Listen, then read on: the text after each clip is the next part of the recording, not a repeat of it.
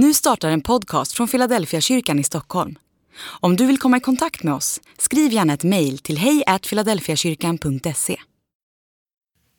Dag 182. Flyttkort.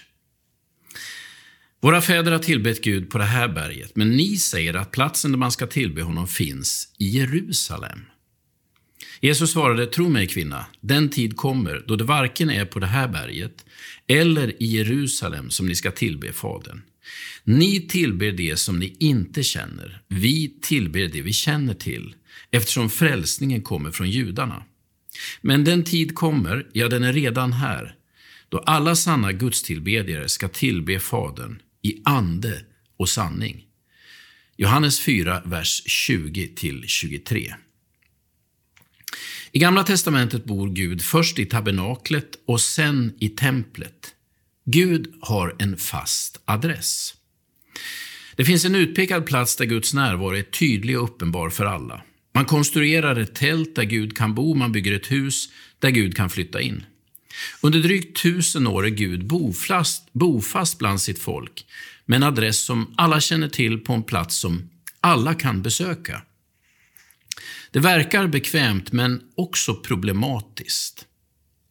Om Gud bor på en bestämd adress, då kan man ju lämna honom. Om Gud finns i Jerusalem behöver jag inte bekymra mig för hans synpunkter om jag bor någon annanstans.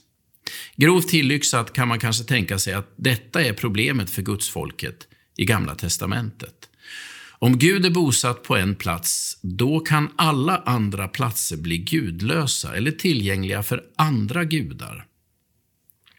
Genom hela Gamla testamentet pågår en konstant kraftmätning mellan Israels Gud och andra konkurrerande gudar. Men så händer något. Gud bestämmer sig för att byta bostad. Jesus kommer in i världen och efter pingstdagen är den stora flyttkarusellen igång. Gud lämnar templet i Jerusalem och flyttar in i lärjungarnas hjärta. Från att ha varit bofast blir Gud en vagabond.